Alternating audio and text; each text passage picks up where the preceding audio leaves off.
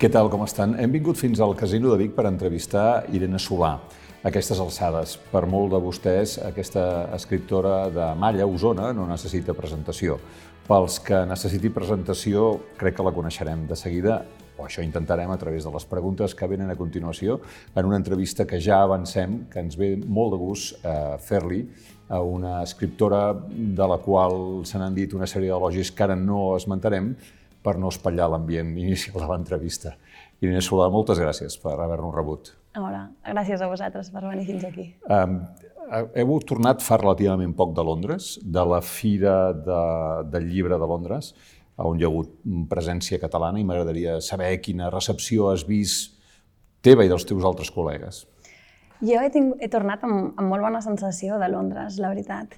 Um, per una banda, doncs, ens vam trobar tot un grup d'escriptors de, catalans allà, cosa que en si ja va, ser, ja va ser bonic i divertit, i llavors tots vam fer actes molt diversos i, i, i molts actes, amb, a més a més amb, amb, amb molta presència de públic i amb, i amb molt interès per part del públic, amb moltes preguntes, amb moltes ganes de la gent de, de, de saber més i de, i de conèixer més què estem escrivint des d'aquí. O sigui que... Quina imatge creus que tenen o busquen confirmar quan diuen han vingut una sèrie, una colla d'escriptors catalans. A què sonem o a què sona la nostra literatura quan surt per, per Europa? La veritat és que no, no et puc respondre clarament aquesta, aquesta pregunta perquè no ho sé. Um, a mi sí que em passa a vegades que, que, que la gent sent molta curiositat o que la gent em diu, per una banda, o bé um, mai he llegit literatura catalana, vull llegir-la, o bé um, estiuejo a Catalunya, tinc parents, tinc amics, tinc el que sigui a Catalunya i vull llegir-los. I, I, per exemple, a mi una cosa que, que m'agrada molt i que em fa molt feliç és la gent que sí que coneix a Mercè Rodoreda, que a mi això m'ha passat alguna vegada a Londres, de que algú em vingués i em digués has llegit una autora fantàstica que es diu, i et pronuncien Mercè Rodoreda d'una manera com curiosa, i quan entens que estan dient Mercè Rodoreda, Um, primer et fa molt riure que, no, que, que, tots, que t'ho hagin explicat com a, com a quelcom exòtic o llunyà i després t'alegres molt de, de que de que t'estiguin parlant des de Londres doncs, de, de Mercè Rodoreda. Ja. Alguna pregunta que et fessin a tu que t'hagués sorprès? No, no te'n sé trobar una. Me'n fan moltes i molt, i, molt, i molt diverses, però cap que digués, ai, no sé com respondre't això, o, o, o cap que, que em sorprengués més del compte. No? Molt bé. Uh, Irene, um, comencem parlant, m'agradaria començar parlant de tu i, i de com hem arribat fins aquí, diguéssim. De manera que, aviam, al principi va ser una masia? o que, al principi que hi havia? Uh, sí, casa de pagès, diguem més, a Malla. Um, però sí, sí, jo vaig, jo vaig néixer a Vic, però bé, dos dies després vaig anar cap a, cap a, cap a Malla, en una casa de, de pagès, que és la casa on, on viuen els meus pares, de fet, encara avui en dia. Val. I això vol dir un determinat registre de llengua? Mm, sí i no. O sigui, sí que és veritat que hi ha un cert vocabulari, hi ha unes certes coses que jo he sentit dir per un context de comarca d'Osona i per un context de, de, doncs de, d'agricultura i ramaderia, en els dics, que és la, primera, la meva primera novel·la, sí que jugava molt amb certes paraules que jo he sentit dir als pagesos de Malla. Paraules que no sempre han de ser estrictament correctes en català, eh? paraules com cosetxar o com silo, que són coses que jo he mm. sentit dir, que jo he sentit dir sempre. La cosetxadora, no? La cosetxadora, sí. exacte. Sí. Um, I llavors jo, jo crec que en el meu cas també hi ha un, un interès personal per, per la llengua, per les paraules, per les maneres de dir coses, per les històries en general. Llavors jo no sé dir-te què, què ve donat i què ve d'un interès meu i d'un dur les orelles aixecades. Ja. Yeah. Uh, pel que has explicat en alguna ocasió, tinc la impressió que uh, quan eres petita i jo preguntava a tu nena què vols ser quan siguis gran, en el fons la resposta era de, de gran vull ser adulta. No? vull dir, vull ser com els adults, eh, que saben fer riure, que tenen els seus codis, que jo no acabo de dominar. Bueno, potser m'estic projectant jo biogràficament, però a mi em passava això, de dir... Hosti, és fantàstic ser adult perquè, perquè ara es posen seriosos, ara riuen, ara s'expliquen coses... A mi de, dels adults hi havia una cosa que que m'agradava molt o que em feia molta enveja, que era la llibertat, que era el decidir, que era el triar, què feien, quan ho feien. Um, sí, no? el, el, el triar què feien al matí. El, el, no, a mi m'agradava molt aprendre i vaig tenir no, un, un pas per l'escola i l'institut agradable i, i, i bonic. Però jo sempre pensava, però els adults trien. Jo, si fos adulta, triaria si vull ser aquí o si vull ser a qualsevol altre lloc del món o vull fer qualsevol altra cosa. Sí. O sigui que això sí que els envejava, als adults. Um, però també penso que hi ha, hi ha certes maneres de, de, de fer dels nens o certes, certes coses que a vegades atribuïm a, a la infància i, i, i potser abandonem quan ens anem fent grans, que jo crec que, que és interessant no, no abandonar o no donar per fet que són només de nens. I parlo de coses que tenen molt a veure, jo crec, amb el procés creatiu, amb coses com, com el joc, però el joc entès com una cosa molt seriosa, com una cosa molt profunda, amb coses com l'aprenentatge, el no deixar d'aprendre mai, el, el fer preguntes, el no deixar mai de fer preguntes, amb, que, que jo crec que és una cosa que, això, que té molt a veure amb, amb, Eres amb, amb, el creatiu.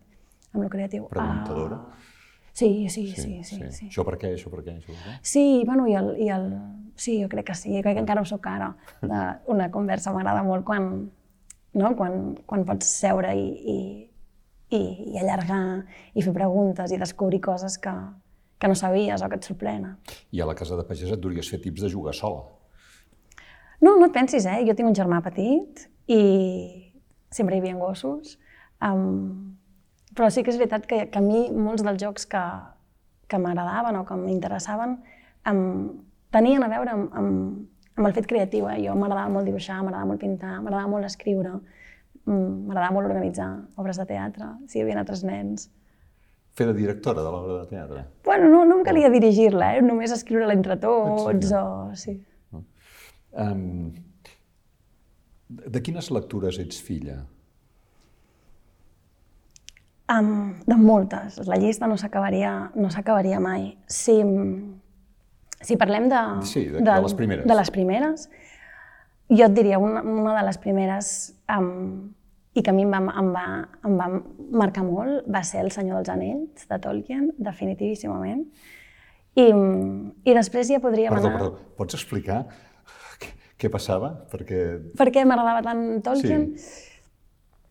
Jo crec que hi havia, hi havia diferents coses, no? però hi ha una, una part de Tolkien que té a veure amb, amb, amb aquesta cosa del, de l'storytelling, de construir-te un món i, i ficar-t'hi a dintre, i deixar-te viure allà dintre durant les setmanes o els mesos que triguis a llegir. A més a més, no només tenies un llibre, sinó que en tenies tres, um, que jo crec que m'agradava molt i jo recordo um, ser relativament petita i adonar-me que l'endemà havia d'anar a l'escola i que se m'havia fet molt tard, molt, molt tard llegint i, i haver de fer un esforç de, no? de, doncs de tancar el llibre i de, i, de, i de dormir, un esforç que hagués preferit no fer si hagués sigut un adult que podia triar què feia, què feia l'endemà. I, i, I això et va, et va fer sentir jo vull ser escriptor com aquest senyor?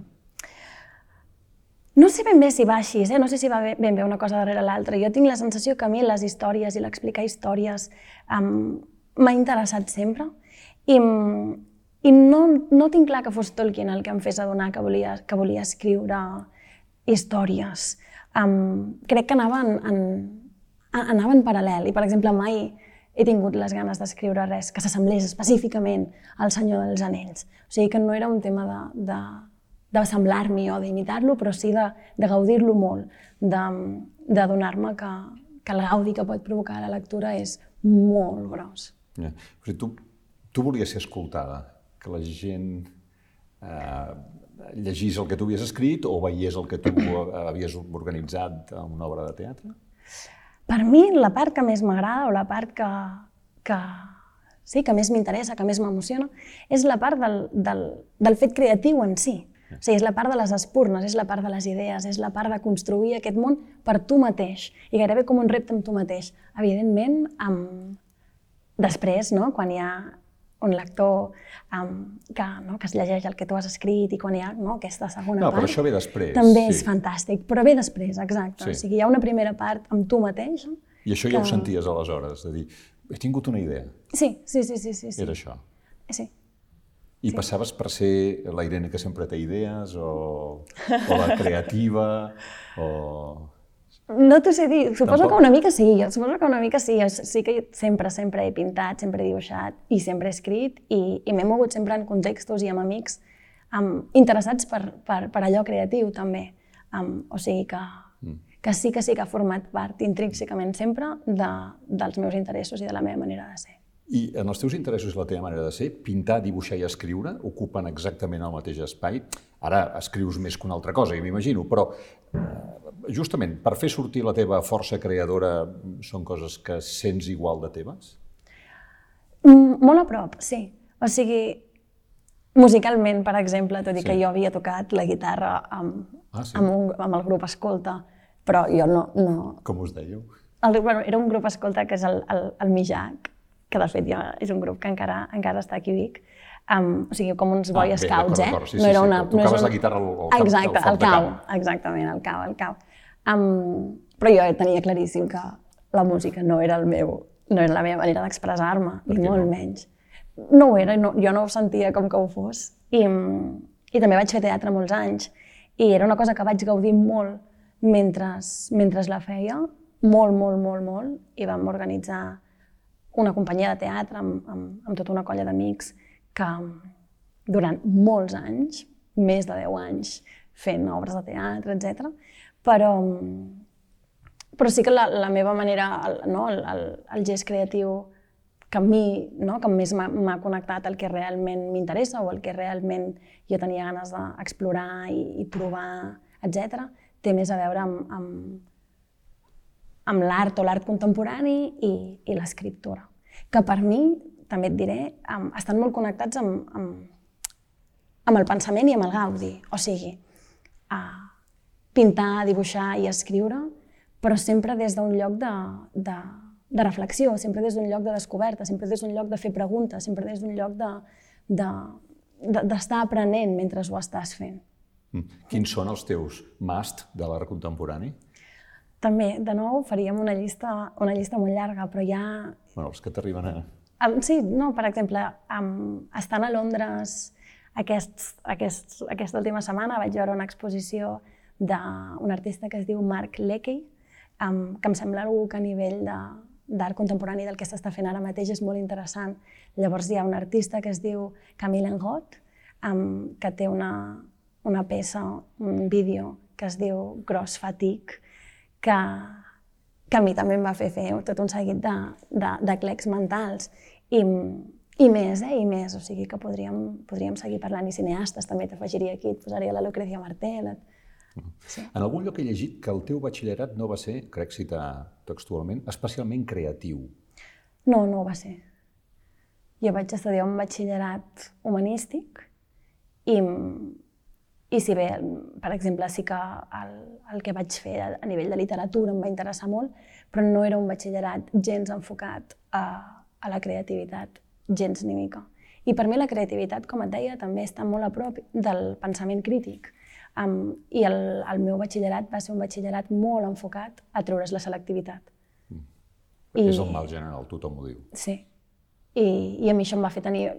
Potser va ser, va ser bo en el meu cas, perquè al ser tan poc creatiu, em vaig adonar que una de les coses que a mi més m'interessava fer i una de les coses que jo volia fer era desenvolupar la part creativa. I, i per tant me'n vaig anar directe a Belles Arts, a l'acabar el batxillerat. I mira que no era fàcil, perquè si tu no havies fet un batxillerat eh, artístic, havies de fer una prova d'accés que des de fora, en el seu moment, feia impressió. Pensaves, ostres, i si no la passo? Um, però va ser una sort, perquè després no? D'aquest batxillerat jo vaig fer Belles Arts i... I aquí sí l'experiència va ser més creativa? Totalment. Per, jo vaig tenir una molt bona experiència a Belles Arts. Hi ha experiències molt diferents, si parles amb altres persones potser en diran coses absolutament diferents i potser i contradictòries del que jo t'estic dient, però jo a Belles Arts vaig aprendre el que per mi és l'aprenentatge més gros o dels més grossos que jo he fet, que és que vaig aprendre a produir, vaig aprendre a crear, i a crear vull dir, vaig aprendre a dedicar la major part del meu temps, la major part de les meves energies, la major part del meu pensament a idees, a projectes que ningú m'havia demanat que, que desenvolupés i que, i que mentre els estàs desenvolupant no li interessen a ningú més que a tu. i a fer-ho de manera um, com una cursa de fons, a fer-ho cada dia i a fer-ho no? I a fer això, com a posar la carn a la paella cada dia, i una mica, i vinga, i endavant. I, i per mi això és un aprenentatge molt, molt valuós. O sigui, a convertir les espurnes en projectes i finalment en, en feina. Sí, o exactament, o, o finalment en obres, o finalment en, en, a gaudir molt del procés, eh, de tota manera, però sí, a, a, a saber com desenvolupar doncs, totes aquestes idees, totes aquestes espurnes, i com dedicar-los el temps i l'energia que necessiten amb cada dia, cada dia, durant molt de temps, perquè acabin esdevenint. I això com t'ho van ensenyar a base de que havies de complir uns terminis per lliurar uns treballs? O... Um, en el meu cas, jo tinc la sensació que el, el, el gran aprenentatge el vaig fer sobretot a partir d'un moment a Belles Arts en el que en l'itinerari que jo vaig triar començaves el que és el, la feina de taller, que bàsicament vol dir uh, plantar-te en, un, en un taller i que la premissa durant tot el curs fos una mica, agafa'm amb pinces, però perquè ho entenguis, um, fes el que vulguis, com vulguis, però fes-ho amb tot el que tinguis per donar. O sigui, um, no et diré com has de fer, no et diré com ho has de... Donar tot. I no et diré com ho has de formalitzar, no et diré, no et diré sobre què ha de ser. Ha de ser el que tu vulguis, com tu vulguis, Quina com a tu t'interessi. Quina responsabilitat. No? I però has de posar tota la carn a la paella. Al principi t'ofegues. Al principi dius, jo és que no sé ni què m'interessa, a mi mai ningú m'ha demanat què m'interessa. Um, però progressivament aprens a nedar, aprens a, aprens a entendre què t'interessa, aprens, i aprens a canalitzar-ho i aprens a dedicar-li el temps i energia i a confiar en el que t'interessa i, en, i, en, i en el que vols i a investigar moltíssim i, i, i anar tirant. I aquesta és una metodologia que ja no t'ha abandonat? Que, que en certa forma la desenvolupes ara cada dia? Sí, sí, sí, sí. sí. La meva manera de treballar passa per aquí. Jo sempre dic que, que, que la meva escriptura veu d'un aprenentatge fet a través de les metodologies de l'art i que, de fet, són novel·les el que jo faig i la forma o el format de la novel·la és un format que, que ara per ara m'interessa moltíssim, um, però, però que entenc una mica les novel·les com a part de, o com a projecte artístic, projecte artístic que agafa la forma de novel·la. No. I que si t'hagués donat per la pintura, doncs agafaria forma de quadre o, de, o del que fos. O si el que estigués jo explorant necessités ser un, no, un, un, un projecte de pintura seria doncs, tot un seguit de quadres, però realment el, que, el projecte que jo estic explorant doncs, necessita tenir la forma d'una novel·la. Com és un dia professional teu? Eh, et lleves molt d'hora per escriure, ets de matins, eh, dius a la gent de casa que no t'emprenyin fins al migdia, com va això? Depèn de si estic viatjant o de si estic no, escrivint. quan estàs escrivint. Sí. Quan estic escrivint, um, jo sóc bastant de matins, jo tinc molta energia al matí, llavors um, sí, procuro dedicar, quan estic escrivint i quan puc triar, allò que dèiem abans, a mi m'agrada dedicar un bon grapat d'hores al dia a escriure i, i cada dia. O sigui, per mi és, és important, uh, si estàs construint una història i si estàs ficant-te dins d'un projecte, viure-hi a dintre i viure allà dintre vol dir cada dia, cada dia, cada dia, i vol dir un bon grapat d'hores, no mitja horeta ràpida i, i sortim.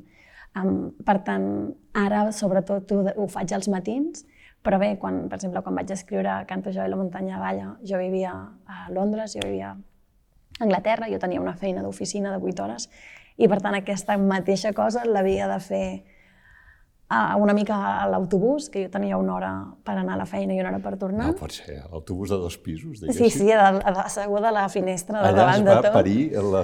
O sigui, ho feia bueno, allà ja. i a la nit quan uh, arribava a casa.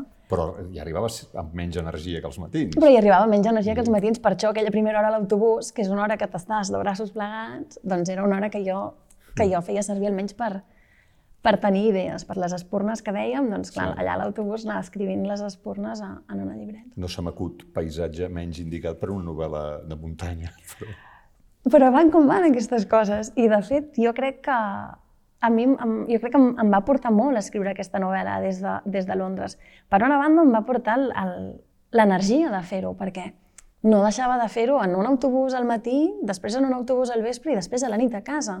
I el que passa amb, amb Londres és que és una ciutat tan bèstia, i és una ciutat que té tanta energia i és una ciutat on la gent treballa tant que se t'encomana aquesta energia, de manera que en un altre context jo potser hagués arribat a casa i m'hagués relaxat. I en canvi allà arribava a casa i venia tan, no, com tan plena d'aquesta energia tan boja de la ciutat que em posava, em posava a escriure. I llavors també el, Londres és una ciutat amb, amb, amb uns inputs inacabables, sobretot a nivell, bueno, de moltes coses, però en el meu cas i en els meus interessos, molts inputs a nivell d'art contemporani, per exemple. Jo treballava en un centre d'art contemporani també. Llavors, a mi això m'alimentava a diari per tal de, de desenvolupar la novel·la i per tal de, de desenvolupar-la doncs, amb moltíssima llibertat, de desenvolupar-la des de no? des d'una mirada contemporània, des d'una mirada crítica, de, doncs tot això em, em va permetre escriure aquest llibre. Tinc l'impressió que a determinades edats, quan vas a viure fora, si incorpores l'energia de la ciutat, que en el món anglosaxó és especialment excitant, però hi ha una excitació que és la de viure lluny de casa, sí. la de viure a l'estranger, la de que tot és possible, la de que no coneix ningú, la de començar una nova vida, bla, bla, bla, bla. I clar, la suma de les dues coses és que no, no t'ho acabes, no?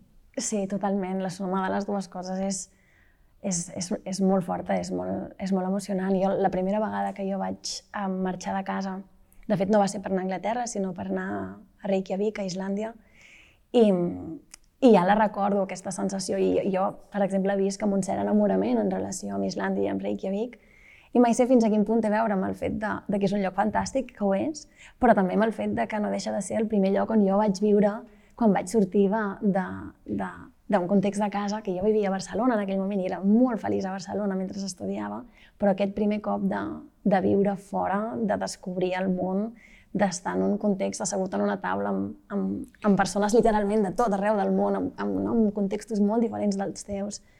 bueno, és molt, és molt intens. Sí, ja. sí. Ja, M'interessa molt això de l'energia que dius, eh, perquè crec que hi ha ciutats o mm, cultures que tenen aquesta capacitat de transmetre-la. Doncs, la gent que ha passat per Nova York diu coses semblants d'aquesta de Londres. I jo em pregunto quina energia transmetem aquí com a país. Clar, el problema és que com que som d'aquí no, no ho notem, no? no? Clar, Però tinc l'impressió que, que ens falta una mica de piles, no? No ho sé, és que eh, per mi és difícil de dir per això mateix que dius, perquè en el fons jo quan torno aquí torno a casa i torno a un context que és el meu. Um, jo et puc dir que enyorava jo d'aquí, quan era allà. Que, per exemple, una cosa que jo vaig enyorar molt, sobretot a, en el context d'Anglaterra, en el context d'Islàndia era, és una, una altra cosa i si vols hi entrem. Sí. Però en un context d'Anglaterra jo sí que enyorava molt certes coses d'aquí, com, com ara amb la improvisació. O sigui, hi ha una manera de fer aquí, un improvisar, un... Que, que allà no existeix.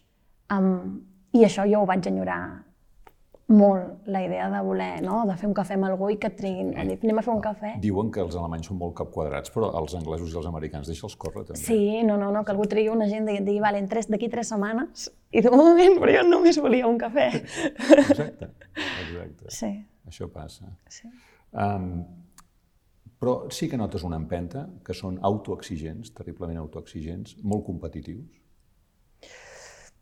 una cosa també que a mi em va sorprendre, per exemple, a Anglaterra, és el fet de que, de que, de que sí, hi ha una autoexigència molt forta, però també hi ha un, una, una confiança molt forta en la gent jove. Jo, per exemple, quan vaig entrar a treballar en aquest centre d'art contemporani, amb la que era la meva cap, però que era la meva cap i la cap d'un equip de doncs, 30 persones fixa i, i fixes i 20 persones no fixes, um, tenia 23 anys i era algú que, que va fer una feina excel·lent. Tres anys després se'n va anar perquè volia seguir creixent. Um, I va trobar una feina encara més potent en un altre lloc i llavors estava, després de treballar en aquesta galeria d'art, se'n va anar a treballar al, al, Teatre Nacional. Vull dir que, que allò sí, sí que ho notava. Confiar en la gent jove. Sí, sí. A propòsit d'això, tu ets del 90. Això uh -huh. vol dir que vas veure la caiguda de les Torres Bessones quan tenies 11 anys, sí a la guerra de l'Iraq, eh, quan tot just estrenaves l'adolescència, uh -huh. que amb 18 anys parlaven de la crisi financera, eh, i, que, bueno, i, i tot el que ha vingut a continuació, en el cas de Catalunya, doncs, tota la dècada del procés, i ara la pandèmia i la guerra d'Ucraïna, tot, tots, tot, tots aquests condicionants, diguéssim, històrics, però sobretot generacionals, i penso sobretot en el tema de la crisi, l'emancipació, els joves, això que dèiem, Això té alguna influència en tu com a persona i en la teva obra? O és, la teva obra està al marge dels condicionants no, jo crec que, que, que és difícil estar al marge, o sigui, que en el fons no deixem de, de viure en un context i que el, que el context forma part de nosaltres. I jo sempre dic que, en el meu cas, quan treballo, quan escric, tot deixa un pòsit, tot el que visc, tot el que m'envolta.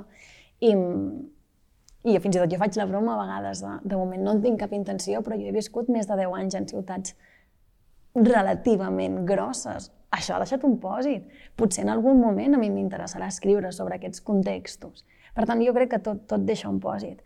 En el meu cas concret, um, jo, sempre, jo tinc una mica la sensació de que, de que a la que jo vaig començar a ser una mica conscient de les coses o a la que a mi em tocava una mica començar a, a triar què, no? parlant de triar, sí. què, què volia fer, va ser molt, molt a prop del moment del, de l'esclat de la crisi.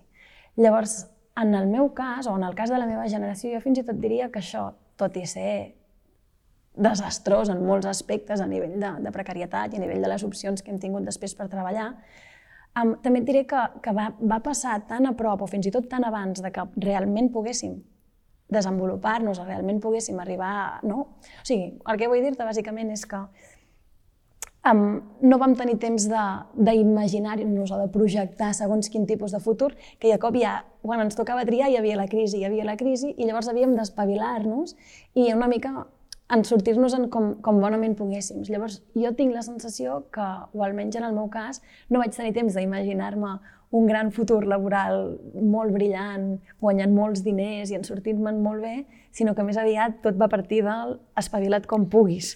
En surta tant perquè tot és molt gris i tot és molt, i tot és molt terrible. Llavors, um, així ho vam anar fent tots plegats, o sigui, en sortir-nos-en com, com bonament podíem, i marxant. No? Jo vaig tenir molt clar des del començament que jo volia viure un temps fora. I això, en el teu cas, per exemple, t'ha amargat o t'ha impulsat? A mi no m'ha amargat, um, però precisament per això, perquè no vaig tenir, no, no vaig tenir temps d'imaginar-me una gran cosa que se'm va trencar. Al revés, sempre se'm va dir, no, serà terrible, serà tot molt gris, no te'n sortiràs, i llavors, a partir d'aquí, poca cosa que vagis fent ja és alguna cosa. Mm. I, I el fet de marxar, no, el fet de tenir, d'haver tingut l'oportunitat de, de marxar, a mi em va donar molt, em va donar molt, molt d'aire, em va donar molta perspectiva de les coses, em va donar, sí, com un, un, un, camp molt, una, un canvi una visió molt àmplia. I, per exemple, la meva arribada a Londres no va ser senzilla, o sigui, la primera vegada que surts d'un context estudiantil, jo havia fet el batxillerat, després la carrera, llavors acte seguit vaig fer un màster, i llavors em va tocar sortir del màster i encarar-me al, al, al context laboral, en trobar feina a Londres. No va ser fàcil, o sigui, jo vaig acabar tenint una feina que m'agradava molt, però amb anar a fer entrevistes amb, amb un currículum de cosetes petites que has fet als estius o que has fet mentre estudiaves, amb un anglès que és bo, però no deixa de ser un anglès amb un accent fort. Amb...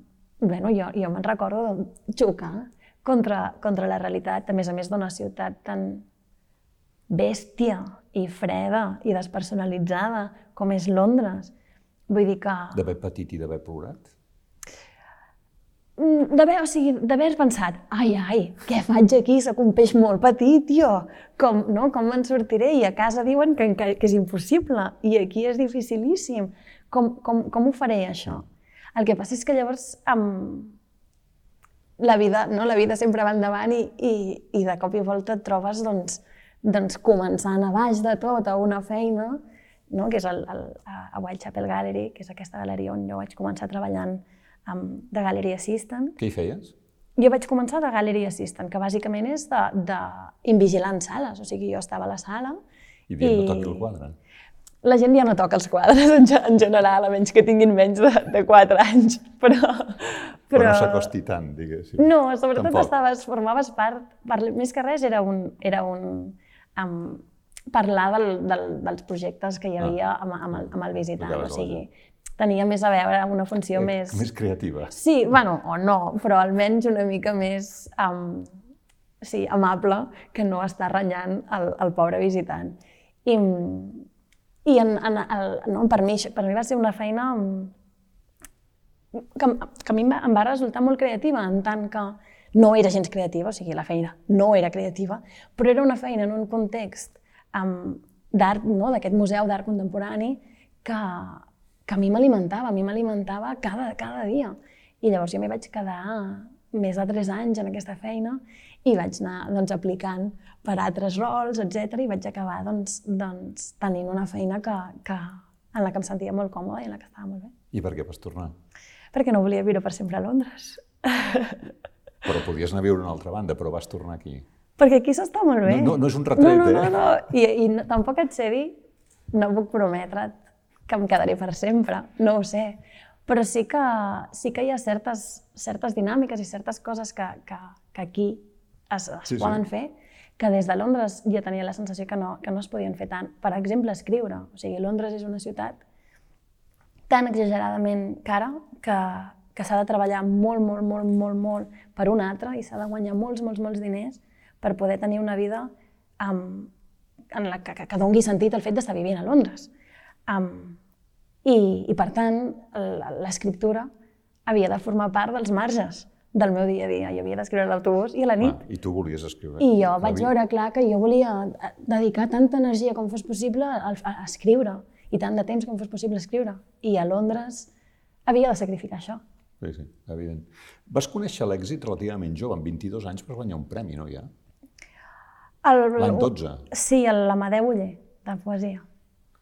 I això, què, què et va dir de les teves possibilitats? Va ser un avís, un, alguna veu a l'orella que et va dir vals molt, tira, no t'has equivocat, o...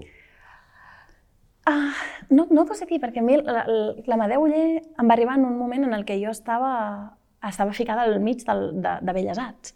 Llavors, el que a mi em va passar és que jo estava en aquest taller que t'explicava, doncs, Mm, produint sí, artísticament i fent vídeo, fent instal·lació, fent dibuix, fent una mica de tot, però em vaig adonar en aquest context que la paraula com a matèria prima m'interessava i que jo volia fer servir les paraules de la mateixa manera que estava fent servir doncs, doncs molts altres um, materials o formats. I llavors, en aquest context, jo vaig vestir aquest primer poemari. Uh, I jo recordo ensenyar-lo als meus professors d'universitat i que alguns em diguessin no, no, no, això nosaltres no t'ho podem valorar perquè això no, no, no és del context de les belles arts. I jo intentava dir-los, no, no, però és el mateix. Mm. És el mateix aquesta peça que, que, que aquest munt de poemes que jo t'estic ensenyant. I llavors, en aquest context, va sortir l'Amadeu Uller.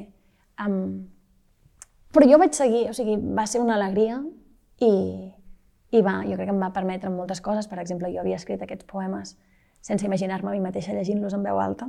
Llavors, el fet de que sortís l'Amadeu Uller i el fet de ser convidada a, a certs recitals va fer que jo m'hagués de posar les piles amb el, amb el llegir. I aquí tinc molt a agrair-li al, al Josep Pedrals, que, que durant doncs, tot un hivern a, a Barcelona amb tot d'altres poet, amb tot d'altres poetes joves vam, vam quedar molt i vam llegir molt i jo vaig aprendre a llegir amb, amb en Pedrals. Um, llavors sí que el premi em va portar coses boniques, com no, conèixer molts altres poetes, com, bueno, com adonar-me i anar aprenent moltes coses, però, però no va canviar tampoc moltes coses, en tant que jo vaig seguir fent els meus projectes d'art a les Belles Arts i fent les meves coses. El gran premi suposo que hauria ser amb el de la muntanya, no? Eh, El Canto jo i la muntanya balla quan, quan et van atorgar el Premi Literatura de la Unió Europea. Sí, però també penso que aquest premi va arribar al mig de la pandèmia, o sigui, va arribar en un moment en el que, en el que va ser molt emocionant, però, però... el món estava molt aturat, eh? Llavors, bueno, Ja. Però, bueno, saps què van dir, no? El jurat va destacar la riquesa, naturalitat, bueno, tu deus saber de memòria, eh? Eh, La riquesa, naturalitat i expressivitat del seu llenguatge, la forma poètica i imaginativa d'explicar una sèrie d'històries situades en un entorn natural i fronterer a través de diversos narradors, alguns inesperats, una novel·la que combina bellesa i duresa amb un univers propi narrat en un estil vigorós i sorprenent. Una obra que neix també del caràcter interdisciplinari de la seva autora, poeta, narradora, artista i artista plàstica. Um, bueno, està bé, no? Això sí que ja et deu fer sentir... Mm, ja està, ara sí, no? I ara ja sóc escriptora. no, no sé què dir-te, eh? en el sentit de que és, no? s'agraeix i està molt bé, però, però no sé si ja sóc escriptor o, o saps què vull dir? Ve de, ve, és una cosa que ve, que ve de fora. Bueno, una mica... Bueno, o- d'acord, d'acord. No, o és una O no, cosa... segur que ve de dintre, però- Exacte, o és una cosa de, de, de dir, bueno. bé, això és el que jo vull fer, això és el que a mi m'interessa. Jo tenia un professor que deia que els, de tu, periodista, te'n fan els lectors. Clar, jo no sé si als escriptors els hi passa el mateix, sospito que sí. Ja, no sé, seria interessant a seure aquest teu bueno, professor aquí i, preguntar, no? I, i aprofundir, perquè, perquè sí, te'n fan els lectors, però te n'has de fer tu primer.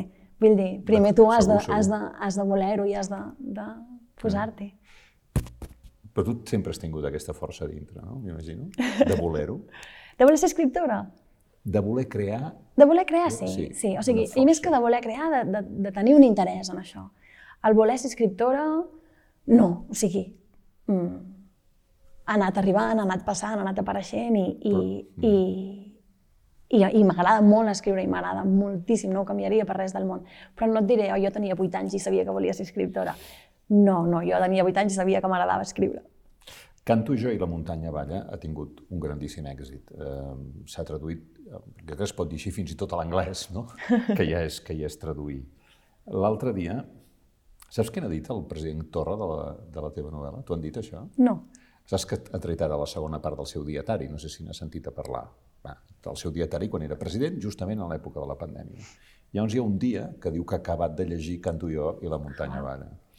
I diu, esplèndida, inoblidable. Crec que és una d'aquelles obres que es queden, com va ser Camí de Sirga, Pedra de Tartera o Te deix amor al mar com a penyora, per dir les que ara em venen al cap. Què et sembla? Bé, bé, bé, bé, bé. bé. Vull que... No, no. Sí. Vaig coincidir amb la Carme Riera en un viatge a Dinamarca um, fa relativament, fa uns mesos. Llavors em fa, em fa, em fa il·lusió. Eh? Mm, encara hi tens bona relació amb aquesta obra o de tant que te l'han ponderat eh, comences, eh, no dic, a tenir-li mania, però de dir, eh, que jo Saps allò que em deies abans de la Mercè Rodoreda? No? Eh, escolta, jo sóc alguna cosa més que la de la plaça del Diamant, no? Doncs que tu siguis alguna cosa més. Com, com portes la relació amb el canto jo? Bona. Bona, sí? Sí, sí, sí. Encara sí. sí. sí. Bona, bona. Però t'has d'esforçar perquè sigui bona o no? No, no, no, no, no. no. Procuro separar, separar bastant el que és la, la meva relació amb el llibre de la relació de, del, del món amb el llibre. Llavors, no, no, és ah, bona, és bona. I espero, i m'agradaria que ho seguís, m'agradaria que ho seguís sent, o sigui que... D'acord. Sí. I la bona relació amb el llibre, per què és? Perquè et porta els records d'aquell Londres? Perquè, perquè trobes que va ser un gran moment de creativitat? Um, perquè va ser un, perquè va ser un, un moment de, de, de, de creativitat de, i un moment molt, molt honest i de connexió amb aquest llibre. Jo vaig gaudir molt escrivint aquest llibre, molt, molt, molt. Que no vol dir que no hi haguessin moments de tot, però el meu, el meu record i, i la meva sensació en relació amb aquest llibre va ser de, de gaudi absolut en aquest context que et deia, que a més a més és un context en el que ja no hi soc i llavors també hi ha un punt d'enyor. I llavors també crec que haig d'estar molt agraïda a aquest llibre. Crec que aquest llibre um, no ha parat de portar-me bones notícies, o sigui, i, i, i coses boniques i coses inesperades. No escrius perquè passin totes aquestes coses, com dèiem, eh?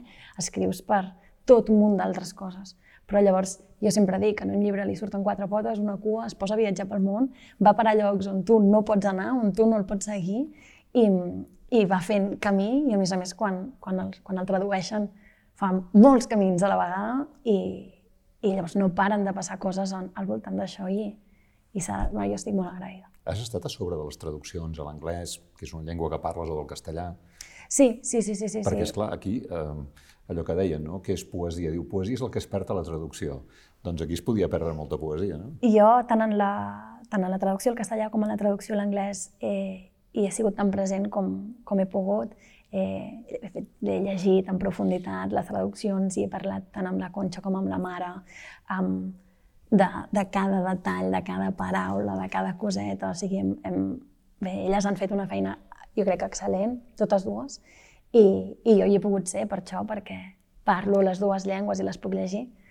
La resta de llengües no les parlo, llavors sí que intento ser-hi uh, quan els traductors tenen preguntes. Hi ha traductors que tenen moltes preguntes, hi ha traductors que no en tenen, llavors cada traductor té la seva manera de treballar, però, però els que tenen preguntes doncs sí que procuro procuro doncs, ser allà, etc.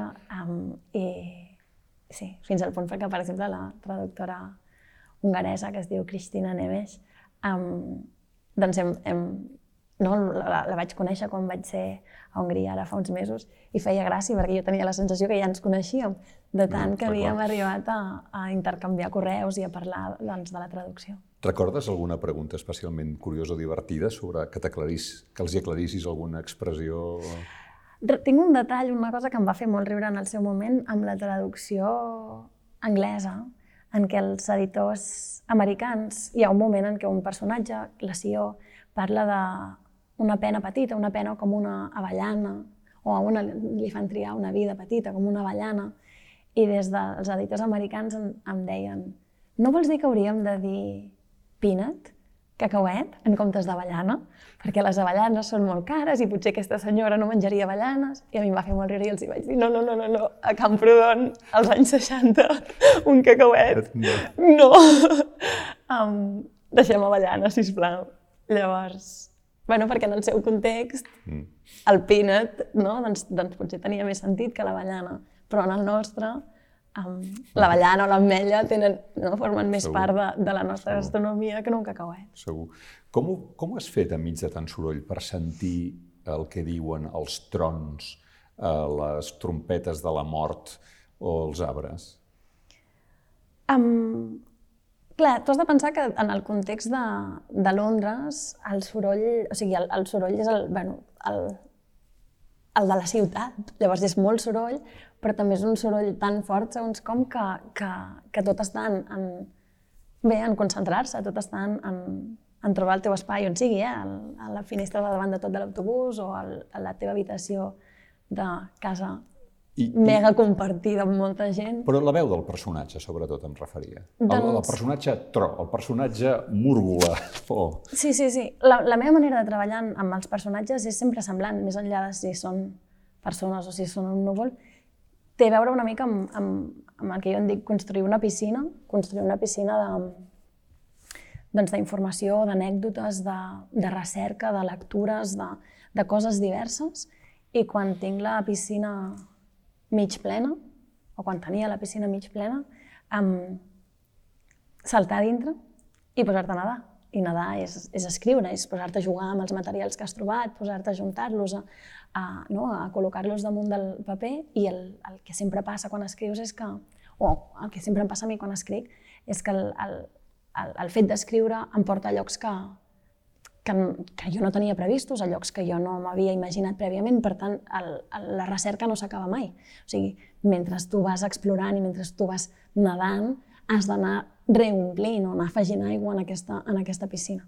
Llavors, així és com jo he anat trobant totes, totes les veus, ja fossin de bolets com de, com de fantasmes. Suposo que això és el que més et, com et diria jo, el que més et demanen els periodistes a tot arreu, no? Vostè ha fet parlar els trons, els núvols, tot això, no? Això, això ens tenen mirats. El, això crida una mica l'atenció. Sí, sí, sí. No? I a més a més fa riure perquè depèn d'on, hi ha països que de cop s'agafen, no? Els anglesos els hi, els hi ha cridat molt l'atenció els bolets, els, americ els alemanys em demanaven més per el gos que mira una escena de sexe. Llavors també fa riure aquesta cosa de cadascú yeah. amb, amb, que li crida més l'atenció a un o l'altre. Yeah. Una cosa que et demanen molt també és per la violència latent mm -hmm. en el món rural i totes aquestes coses. Um, i després la presència del, de l'urbanita o del, mm -hmm. del personatge urbà en un entorn rural. Jo el que, el que he vist en tant que urbanita, que de tant en tant es desplaça al món rural, és que eh, un en el món rural sempre és un foraster, no els hi toquis, però entre ells estan baralladíssims. um, per mi, el, el, el personatge de l'urbanita, sobretot en el cas del, del Cantujó, que va en, no, en, en, en doncs aquestes muntanyes, m'interessava molt i em servia molt per diverses coses. Per una banda, em permetia reflexionar sobre aquesta cosa que fem en general tots en relació amb, amb, amb el concepte de naturalesa o amb allò que considerem naturalesa, que és, amb, i amb la muntanya en general, que és romantitzar-la, que és vocalitzar-la, que és no, com pujar-la en un pedestal i afegir-li tots, tots aquests conceptes. Mm. Però llavors també em permetia fer una altra cosa, aquest personatge, que era reflexionar sobre com ens relacionem amb, amb, com ens relacionem amb els, amb, els, amb els contextos o amb els entorns que no són, els, que no són el nostre. I, I això ho dic molt quan estic a, a Barcelona o quan estic a grans ciutats presentant el llibre, especialment a Barcelona, no? que la gent em diu ara com t'has passat, no? Com t'has passat amb, amb, amb, amb nosaltres. I sempre els dic, sí, sí, és evident que aquest, aquest capítol té una càrrega irònica que no se l'acaba, o sigui, sí, m'estic enrient de, no? de, de, del que estic explicant. Del pixapí. Sí, literalment. Però um, no només m'estic enrient d'ell, o sigui, el, el que està fent aquest senyor amb aquesta muntanya és el mateix que fan la majoria de turistes i que fem nosaltres quan som turistes a altres llocs amb els entorns on ens apropem. O sigui, la gent arriba a Barcelona, comença a dir Barcelona és la ciutat més fantàstica del món i més bonica del món, es fan els dos milions de selfies que s'han de fer um, i en cap moment connecten amb la ciutat, connecten amb les conseqüències del seu pas per la ciutat, connecten amb el fet que la gent que viu és gent de debò, que la gent que viu a Barcelona és gent de debò, que té una vida de debò i que no està de vacances un moment. Dono fe. Um, per tant, no només m'estic enrient dels bixapins, eh, sinó que estic reflexionant sobre, sobre com, ens, no? com a vegades ens mirem els llocs i ens mirem els altres com si fossin postals. Postals per, no? o backgrounds per la nostra, per la nostra selfie, um, però, no, però no espais o llocs o persones reals. Uh, ara um, estàs preparant, estàs escrivint, el, o sigui, eh, estàs traient un nou llibre o escrivint un nou llibre que vagi sobre bruixes? T'asseguro que és una cosa que m'han arribat a dir. T'han dit això? Sí. Jo vaig fer amb una dels... Clar, quan jo faig molta recerca, o quan jo faig recerca, quan jo estic treballant, vaig acumulant molt material i a vegades aquest material um, agafa, no, fa caminets per, no, per, ell, per ell mm. mateix. I un d'aquests caminets va ser un projecte més expositiu, o en un context més expositiu, que vaig exposar a, a Barcelona i que llavors en, en algun moment doncs, a, o alguna de les peces ha, ha estat a la Panera a Lleida ara fa poc, etc. Llavors això sí que ho vaig fer, però, però no, no, no, no, no. O sigui, ara mateix estic treballant en un projecte de novel·la nou, però... Però no va però de bruixes. No, no avançaré gaire res, perquè sóc molt protectora dels projectes nous, però no, no és un projecte que pugui dir va de Molt. bruixes ah. o va de... No, no. Però anirà d'alguna cosa. Sí, home, si no, ah. seria una pàgina en blanc. No, bueno, vull dir que el tema, no? Uh, quan està previst que surti? No està previst concretament, o sigui, jo estic treballant-hi molt um, i, i jo tinc, a mi, de tot plegat, de tot, tot, tot, tot plegat, la part que més m'agrada és la d'escriure. Llavors, um, i dedico i tinc ganes de dedicar-hi tant de temps com, com puc. Quan viatjo molt no puc dedicar-hi el temps, no puc fer allò que et deia de yeah. cada dia, cada dia i una bona quantitat d'hores. I, I estic viatjant molt perquè estic acompanyant moltes traduccions del canto jo. Llavors, um, bé, estic aprenent a, a trobar la manera de, de, de trobar els espais i de trobar el temps per poder-hi anar treballant, però, però ja estic treballant, ja estic treballant. Uh, tot i que el viatjar també és molt creatiu, dir, estic segur que una vegada en un avió, en un hotel o després d'una roda de premsa dius, hosti, aquesta idea, si ara tingués 10 minuts, no? Totalment, sí, sí, sí. El, a mi el viatge em va molt bé per les idees. O sigui, el, per prendre notes, per, fins i tot per agafar perspectiva amb el que estàs treballant, per refredar una mica els ulls, per veure coses o entendre coses que potser quan estaves vivint allà dintre no veies tan fàcilment. Um, vull dir que no és dolent viatjar, no, no, aporta coses també però, però no aquest, aquesta cosa del cada dia, cada dia, cada dia. Ara te'n vas als Estats Units a promocionar el Canto Jo. Això deu fer especial il·lusió. Vull dir, la Irene Solà de Londres, ja no et dic la de Reykjavik, deuen al·lucinar bastant, no? Sí, sí, sí. Um, I a més a més, el, el, bueno, per exemple, tant en el, ara vaig als Estats Units i vaig a Argentina també. I, i són dos llocs que em fan molta il·lusió. Suposo que hi ha una part també del parlar la llengua que fa que, que puguis parlar molt directament amb la gent, amb, no? amb, amb els altres escriptors que hi trobaràs, o amb, el, o, o, o amb els lectors, etc. Però sí, tots dos, tots dos viatges em fan molta il·lusió. I d'aquí, per acabar, eh, parlant d'altres escriptors, eh, abans m'has parlat del Josep Pedrals, no? com una mena d'introductor al món de la poesia o algú que et va ajudar. Hi ha alguna generació, alguna cosa que us vinculi a un grup de gent i qui seríeu? Aquestes preguntes a mi sempre em costen molt de... No ho sé si hi ha una generació. mira'm qui tens al mòbil o quins són els teus amics o les teves amigues, no sé, de, que es dediquin a això. Sí, sí, sí, sí. O sigui, sí que et puc dir gent, o sigui, gent que, que m'interessa molt el que fa i sí que et puc dir que jo crec o tinc la sensació de que, de que en general no deixem de formar part d'un context gran, que és el, del, el, del, el del català i el d'escriure en català, però prou petit com perquè ens coneguem la majoria de nosaltres i coincidim, si a Londres o, o, o per aquí. Llavors, um, sí, molts. Et puc parlar, si vols, per exemple, que això em sembla divertit, del context usonenc. Um, perquè hi ha, hi ha molta gent jove escrivint en el context usonenc. I podem parlar, per exemple, d'en Jaume Coll, podem parlar de la Raquel Santanera, podem parlar d'en Carles Dax i, i més. I en el context català en general, jo crec que, que jo em sento, o a mi m'interessa el treball de, de gent molt diversa, o sigui, de gent que té edats molt semblants a les meves, però també que, gent que no té l'edat tan semblants a les meves. Um, I llavors, doncs, des del no, l'Enric Casasses, passant per la Maria Callis Cabrera, o la Maria Sevilla, o la Blanca Llum Vidal, o molts més, eh, Joan Lluís Lluís, i podria seguir, seguir. Jo fa molta pena a vegades descuit, no, no poder dir tots els noms perquè et passaries tota l'entrevista mm. dient, no, dient noms de gent que, bueno, que forma part d'un teixit de, no, d'intercanvi d'idees, d'interessos i d'inputs. Hi ha alguna relació eh, que lligui el teu èxit amb una novel·la com El canto jo i el, la Carla Simón amb el Carràs? Hi Aquesta pregunta me la van fer, me la van fer a Alemanya. Um, I els hi vaig dir, ostres, em sembla molt, m'agrada molt la, la, no, la pregunta. Jo encara no he vist el Carràs, tinc moltes bueno, ganes de... No ningú encara, però... Bueno, a Alemanya l'havien ah, vista bueno, perquè, sí, clar, sí, sí. era, era Berlín que em fer aquesta pregunta. I ells l'havien vista i jo no. Um, a mi, a Estiu del 93 em va agradar molt i llavors els hi vaig agrair la pregunta en tant que, que la connexió em sembla, molt, em sembla molt bonica i que tinc moltes ganes de veure el Carles.